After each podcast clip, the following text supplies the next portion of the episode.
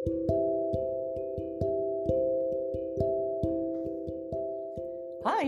en leuk dat je weer luistert naar een nieuwe aflevering van de Quispel Podcast.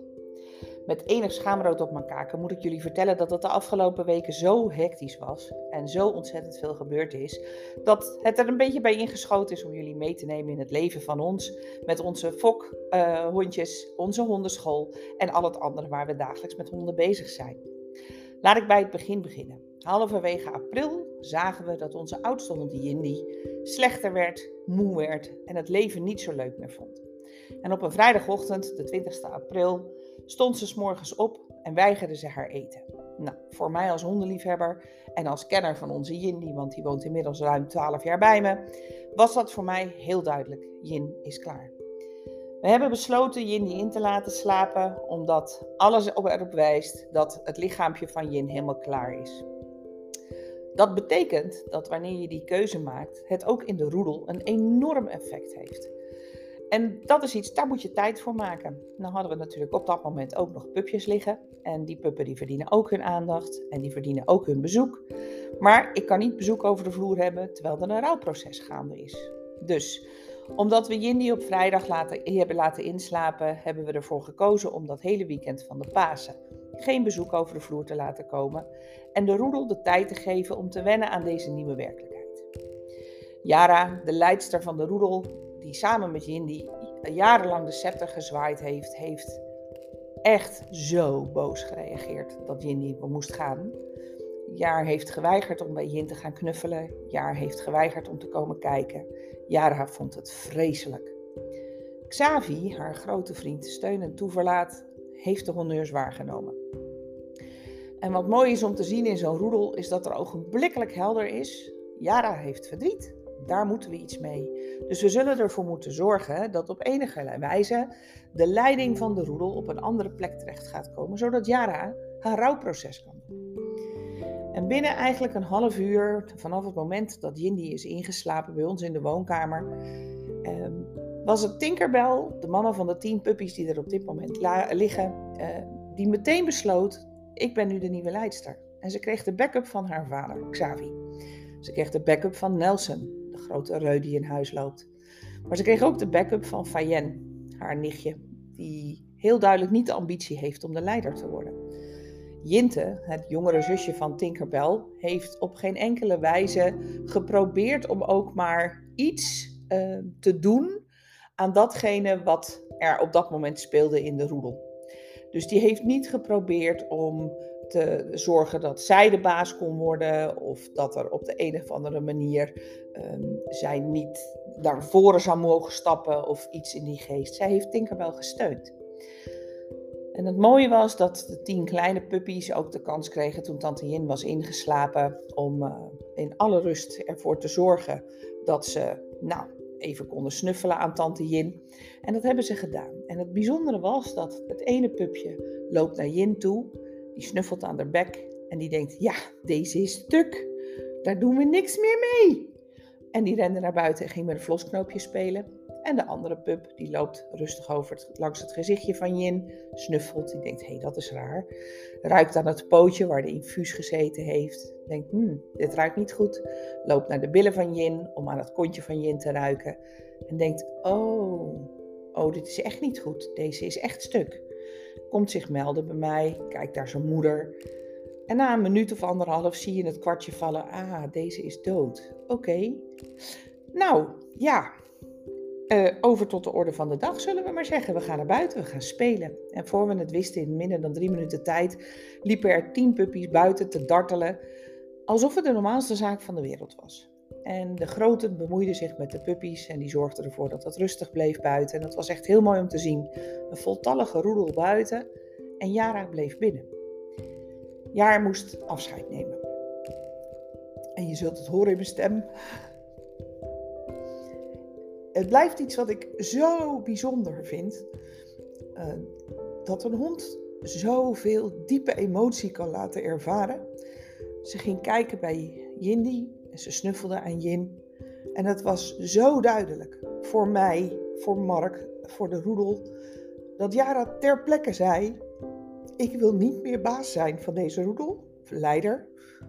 als ik dat niet kan doen met Jindy? Wij zijn een team en de helft van het team is nu weg. Tinkerbell kwam binnen, ging bij Jaar zitten, knuffelde even met Jaar en Jaar gaf haar een akkoord. Op dat moment is dan nog niet helder wie de positie van Jindy over mag gaan nemen. En dat is ook helemaal niet erg. Daar hebben we een heel weekend de tijd voor genomen.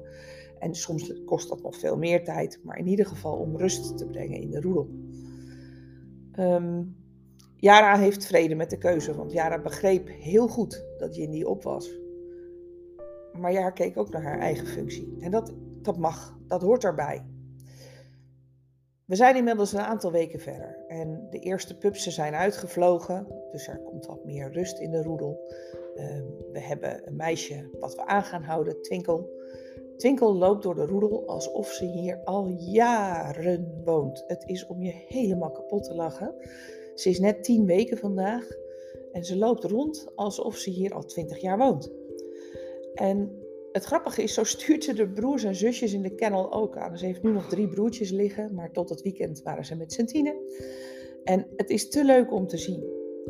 En iedere keer opnieuw weer realiseer ik me hoe ontzettend bijzonder het is dat wij geleerd krijgen door onze eigen roedel hoe hondentaal nou eigenlijk werkt. Want ik heb alles gelezen wat los en vast zat. Ik heb heel wat dingen aan cursussen en trainingen gevolgd. En ik kom iedere keer tot de conclusie dat het altijd net anders is dan dat de meeste mensen getraind en geleerd krijgen. En dat rust iets heel anders is in een roedel dan wat wij denken. En dat de behoeften van een hond heel anders zijn dan hoe wij kijken. Ehm, of we nou kijken naar het aantal keren eten op een dag, waarvan ik van de week een mooi artikel las van Dr. Karen Becker, die uitgewerkt heeft of die eh, beschreef dat in de universiteit uh, een onderzoek gedaan was en men tot de conclusie kwam dat honden die maar één keer per etmaal eten aanzienlijk intelligenter, gezonder zijn en ook langer lijken te leven dan honden die vaker eten op een dag, tot hoe strak is strakke opvoeding en wat moet je wel en wat moet je niet doen bij een hond en welke rechten heeft een hond en welke, welke behoeften heeft een hond. En als ik dan kijk naar het recht van een hond om rust te hebben, dan zijn we daar als mens natuurlijk gewoon, nou, soms een beetje in doorgeschoten. Want wij durven ze niet met rust te laten. We zijn de hele dag bezig om voor te structureren, om te kijken wat de hond nodig heeft. En dat hij nu weer een keer moet plassen en dan eens een keer dit moet en dan eens een keer dat moet. En als ik dan kijk naar mijn eigen roedel, dan denk ik, hmm, die hebben maar een hele simpele primaire behoefte. Rust, eten en een schone slaapplaats. En hoe de rest van de dag loopt, ach, dat zien we wel. Want ook in de natuur, in hun voorouders, zit natuurlijk dat stukje, ja, geen idee wat vandaag gaat brengen. We zullen het gaan ervaren. En je kunt dan nog zulke mooie plannen maken. En dat is natuurlijk een typisch menselijk ding. Wij plannen graag. Wij maken van alles plannetjes en willen weten waar we aan toe zijn. En ik zie altijd de kracht van een roedel is dat ze het over zich heen laten komen. Het is wat het is en het komt zo het komt. Dat stukje vind ik zo bijzonder aan honden.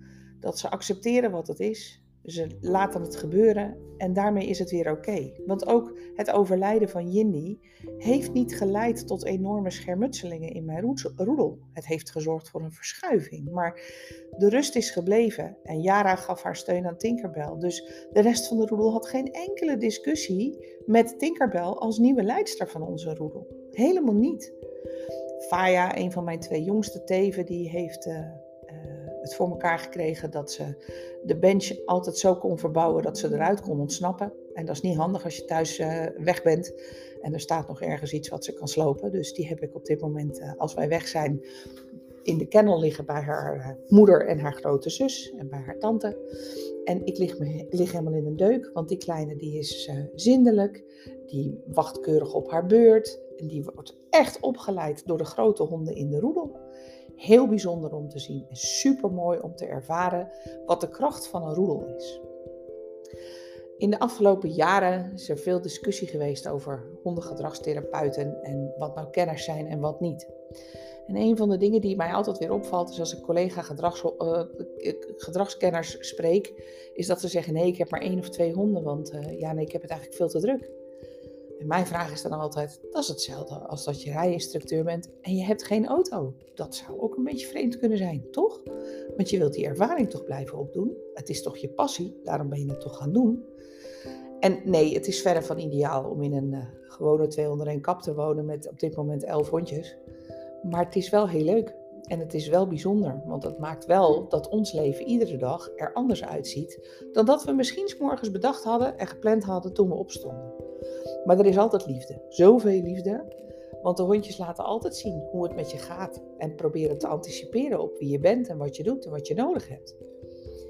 Sinds een aantal weken ben ik in het eh, bezit van een scootmobiel. Mijn gezondheid laten nou met enige regelmaat wensen over. Althans, de gezondheid van mijn benen. De rest van mijn lichaam doet het verder prima.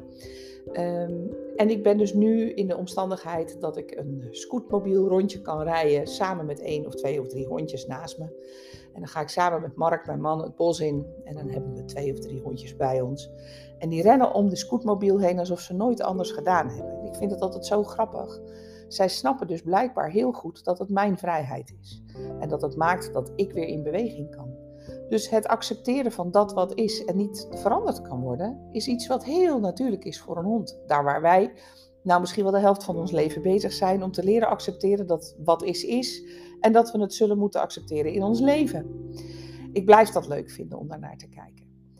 Um, als je dan kijkt naar de ontwikkelingen en wat je daarvan kunt leren, dan is zo'n roedel natuurlijk een ontiegelijk mooi instrument.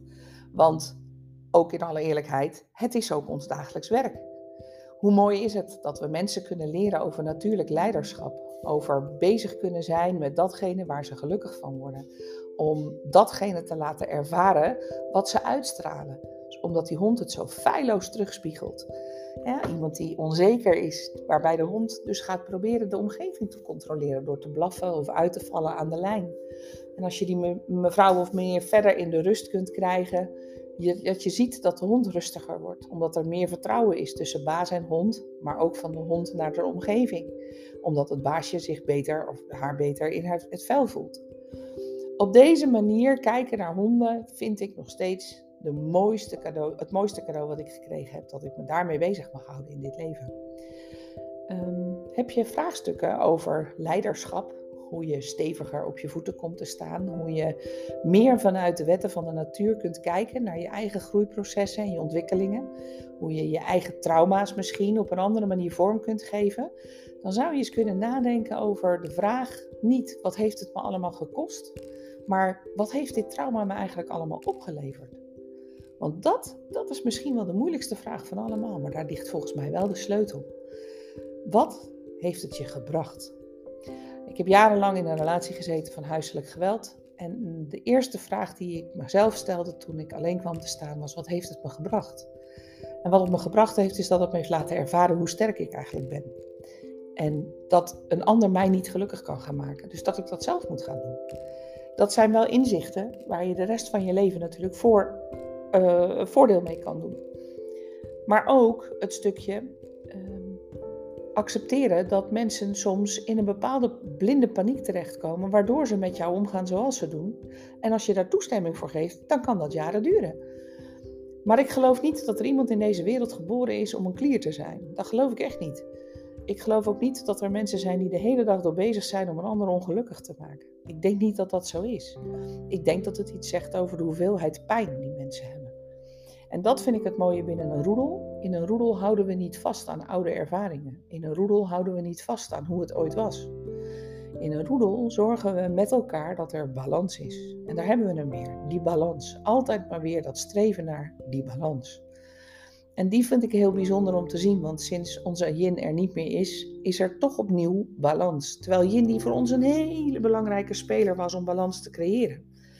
En wat we nu zien is dat uh, Lilou, de dochter van Fayen, inmiddels 2,5, een hele belangrijke is om samen met oma Yara, haar eigen oma, op een positie te komen dat ze nou, die, die omega-rol wel over gaat pakken. En ondersteunend is aan Tinkerbell samen met Jinte. Jinte pakt hem heel fysiek op op dit moment. Jinte voedt Lilou op, Jinte voedt Faya op. En is continu bezig om anderen te leren in de roedel wat hun positie is en dat de plek waar ze staan helemaal goed is. En ik blijf het bijzonder vinden dat zusjes als Tinkerbell en Jinte, want dat zijn volle zussen, dus nu in één keer samen die leiding overpakken en Lilou klaarstomen voor het grotere werk. Ik vind het bijzonder. Mocht het nou zo zijn dat je na het horen van deze podcast denkt: hey, daar wil ik meer over weten, of ik zou best eens een bezoekje willen brengen, dat kan altijd. Daar mag je ons gewoon even over benaderen op de, loka of op de bekende wegen, via de website, via de e-mail, via de WhatsApp. Het maakt allemaal niet zo heel veel uit. Bellen mag natuurlijk ook. En ehm, ik hoop dat uh, de volgende uh, podcast niet te lang op zich laat wachten en dat jullie met deze weer eventjes verder kunnen. Ik wens jullie een hele fijne dag.